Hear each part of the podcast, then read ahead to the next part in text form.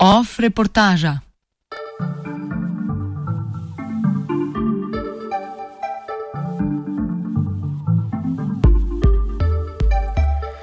Nova generacija gensko spremenjenih organizmov.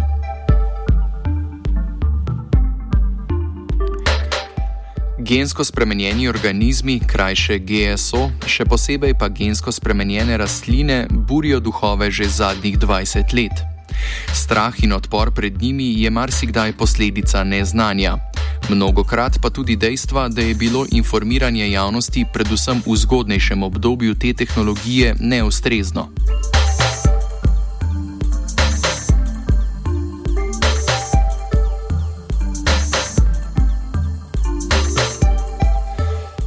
Prve generacije gensko spremenjenih rastlin niso izpolnile obljub, da nimo o višjih donosih ob zmanjšani porabi pesticidov, ampak so prinesle koristi večinoma le kmetijskim proizvajalcem.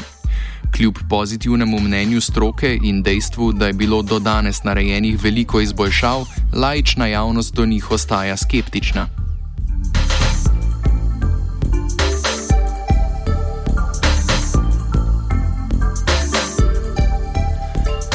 Prejšnji četrtek je na Naravoslovno-tehnički fakulteti potekal seminar o gensko spremenjenih organizmih v organizaciji delovnega odbora za okoljevarstvo študentskega društva Iskra.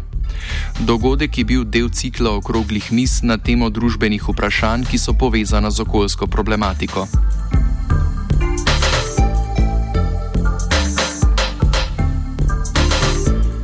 Na začetku so se zvrstila kratka predavanja Atila Urbančiča z študentskega društva Iskra, dr. Marine Dermastija z Nacionalnega inštituta za biologijo, dr. Luke Omladiča z Filozofske fakultete ter novinarja mladine Staša Zgonika.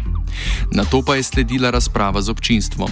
Več o razlogih za organizacijo dogodka nam je povedal Atila Urbančič, diplomiran biolog. Torej, eh, ker smo razmišljali o temu uh, dogodku, sem se hotel odmakniti od te stare razprave izključno za proti in v bistvu v tem verjetno izpada do neke mere pristranski, zato ker pač seveda so bili večina govorcev bolj za, ampak glavni razmik je bil med to laično javnostjo in znanstveniki. Ne?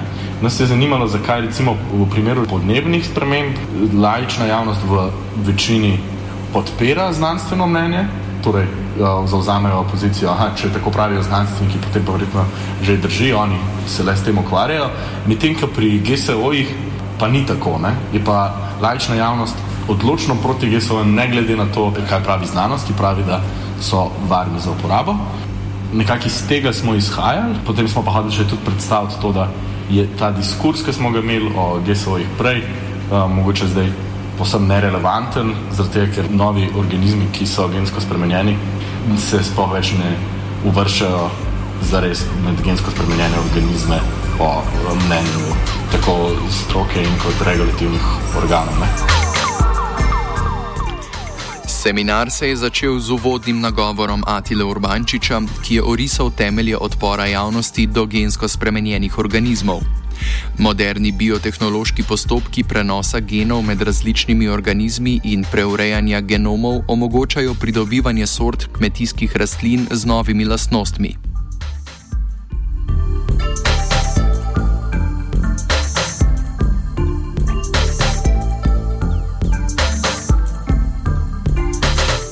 Zdi se, da del odpora laične javnosti do gensko spremenjenih organizmov izvira iz mišljenja, da s, da s spreminjanjem organizmov v lastno korist posegamo v naravne procese. A marsikateri laik ne ve, da spreminjanje in prenos genov med različnimi organizmi na podoben način potekata tudi v naravi. Primer naravne transgenske rastline, torej rastline z geni, ki so bili prenešeni iz nekega drugega organizma, je predstavil Atila Urbančič. Recimo tudi v primeru transgenih organizmov se vse bolj ve, da ta horizontalni genski prenos med vrstami ki je za ljudi v bistvu najbolj problematičen, kadar se govori o GSO-jih, je načeloma vse prisoten v naravnem svetu. Recimo, dober primer tega je, da je recimo, sladki krompir primer uh, naravnega GSO-ja, ki je svojo transgenost dosegel brez človeške pomoči pred kakimi 8000 leti. Torej, to se je zgodilo z infekcijo bakterij, agrobakterijom, ki pa je um, zanimivo tudi eden od glavnih načinov pridobivanja transgenih organizmov v laboratoriju.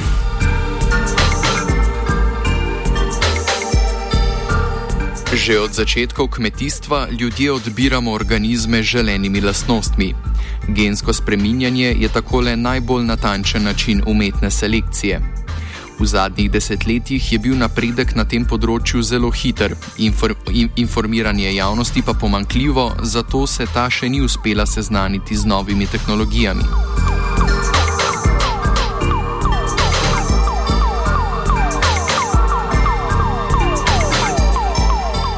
Zaskrbljujoče je tudi dejstvo, da je določenim multinacionalkam uspelo vzpostaviti monopol v določenih vejah kmetijstva v nekaterih državah. S svojimi praksami pa so prevzele tudi primat o temi gensko spremenjenih organizmov v javnem diskurzu.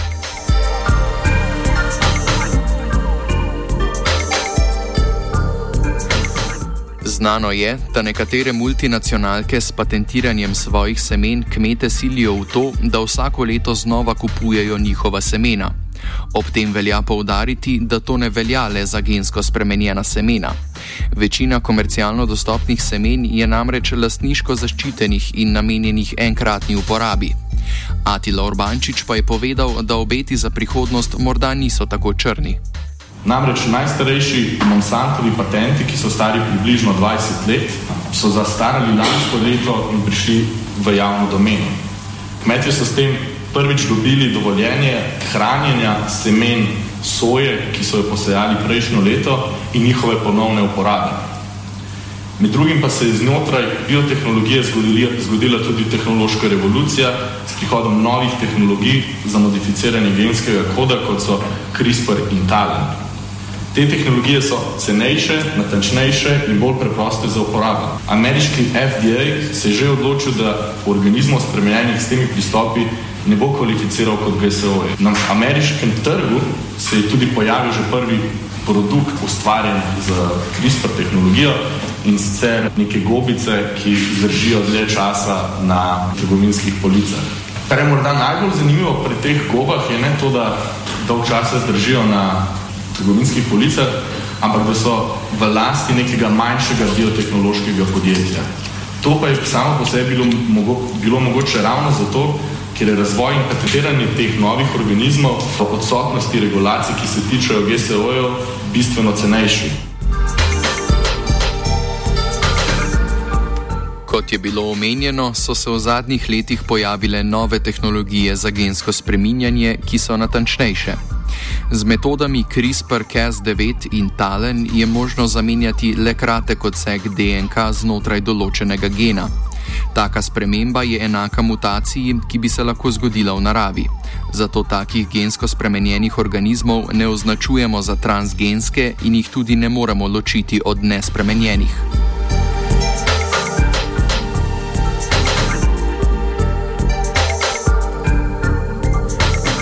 V nadaljevanju srečanja je dr. Marina Dramastija z Nacionalnega inštituta za biologijo razložila molekularne osnove novih metod za urejanje genomov, kot je naprimer CRISPR-Cas9. Dotaknila se je še regulacije gensko spremenjenih organizmov v Evropi.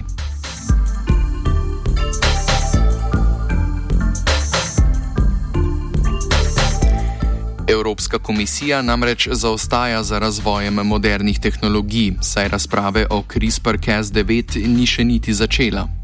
Kot pravi doktorica Dramastija, obstaja več možnosti, kako bi v prihodnosti lahko regulirali novo generacijo gensko spremenjenih organizmov. V Evropi se nagibajo k temu, da bi to regulirali tako, kot je zdaj že regulirano za ostale GSO-je, se pravi, da bi regulirali celoten proces. Da pač reguliramo vse stopne od začetka do končnega produkta. E, taka zakonodaja je zelo natančna, zelo stroga in vključuje vse dejavnike tveganja, tako za človeka, kot za človekovo zdravje, kot za okolje. In pač ta princip velja pri nas že od leta 2003, enak pa tudi v Avstraliji in na Novi Zelandiji. Zdaj, nekatere druge države, predvsem Argentina, Kanada in ZDA, eh, zagovarjajo drugačen princip regulacije in sicer, da je treba regulirati samo končni produkt.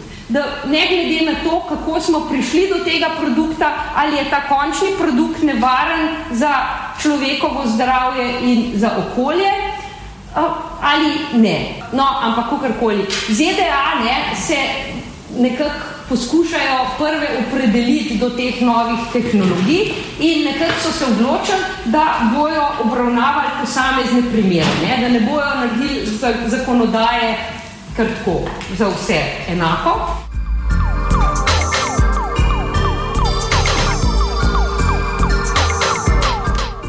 V nadaljevanju seminarja je dr. Luka Omladič z filozofske fakultete predstavil, kako se lotevamo etičnih vprašanj povezanih z gensko spremenjenimi organizmi tehnologije genskega inženirstva kot take, ne? na kakšen način jih je mogoče upravičeno ali neupravičeno generalno označevati za etične ali pa neetične. In jasno, ne? iz vidika tveganosti ali pa nevarnosti, če to pač postavimo kot kriterij, ker kaj je etično, različno od kjer, kjero etiko vzame, tukaj mora biti odgovor ne. Sveda, lahko pa imate druge ne, pa poglede, recimo verske, recimo svetovno-nazorska prepričanja, zaradi katerih pač označite vsak poseg v DNA kot nespremljiv. No, še ena taka, se mi zdi karakteristika, ne, da na nek način evidentna, včasih pa tudi ne, da vseh primerov ne uporabe te tehnologije ne moramo kot, kot celoto, ne, pač vse le obravnavati. Ne. Preveč se razlikujejo. Ne. Vsaka domena na nek način terja specifično obravnavo ne, iz vidika etike. Vprašanje tvega moramo upoštevati različne domene, ne smemo kar govoriti, aha, GSO, ne, kar, kar je v javnem diskurzu, je ta napaka zelo pogosta, GSO kot taki. Ne. Ni, ni tako. Zelo se razlikujejo. Zakaj sama ugotovitev, da tehnologija ne, potencijalno tvegana ali pa nevarna, ne, sama ne zadostuje za njeno etično vrednotenje. Ne. Tisto, kar je značilno za sodobno družbo, ne, ni samo obstoj tveganja, ampak dejstvo, da vedno tehtamo tveganja. Ne. Se pravi, vse smo v situaciji, ko moramo eno tveganje pretehtati z drugim. Ne. In tudi, če mi ugotovimo, ne, da je neka tehnologija potencijalno tvegana, potencijalno nevarna, ne, jo moramo pač to tveganje vedno re relativno gledati na neko drugo tveganje, ki, ki bi ga predstavljala uporaba neke druge tehnologije ali pa tudi sama neuporaba tehnologije. Ne. Zadnji govorec pred razpravo pa je bil mladinin novinar Staž Zgonik. Predstavil je, da argument, da so kmetje zaradi gensko spremenjenih organizmov pahnjeni v odvisnost od multinacionalk, ne drži, saj ti od multinacionalk kupujejo tudi semena, ki niso gensko spremenjena.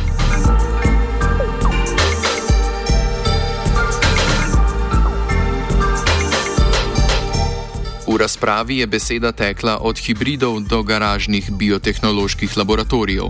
Pojavil pa se je splošni vtis, da javnost o gensko spremenjenih organizmih prebira pretežno iz ameriških medijev in se ne zaveda, da je stanje v Evropi, sploh pa v Sloveniji, lahko precej drugačno. Zato so taka srečanja med strokovnjaki in zainteresirano javnostjo več kot dobrodošla, saj je dialog nujen, če želimo, da javnost sprejme nove tehnologije.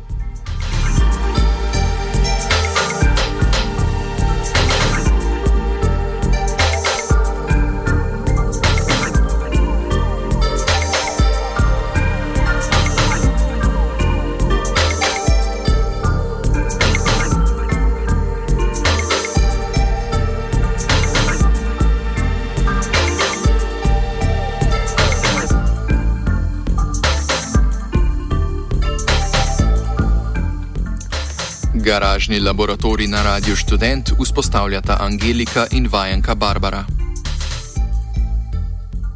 Off reportaža.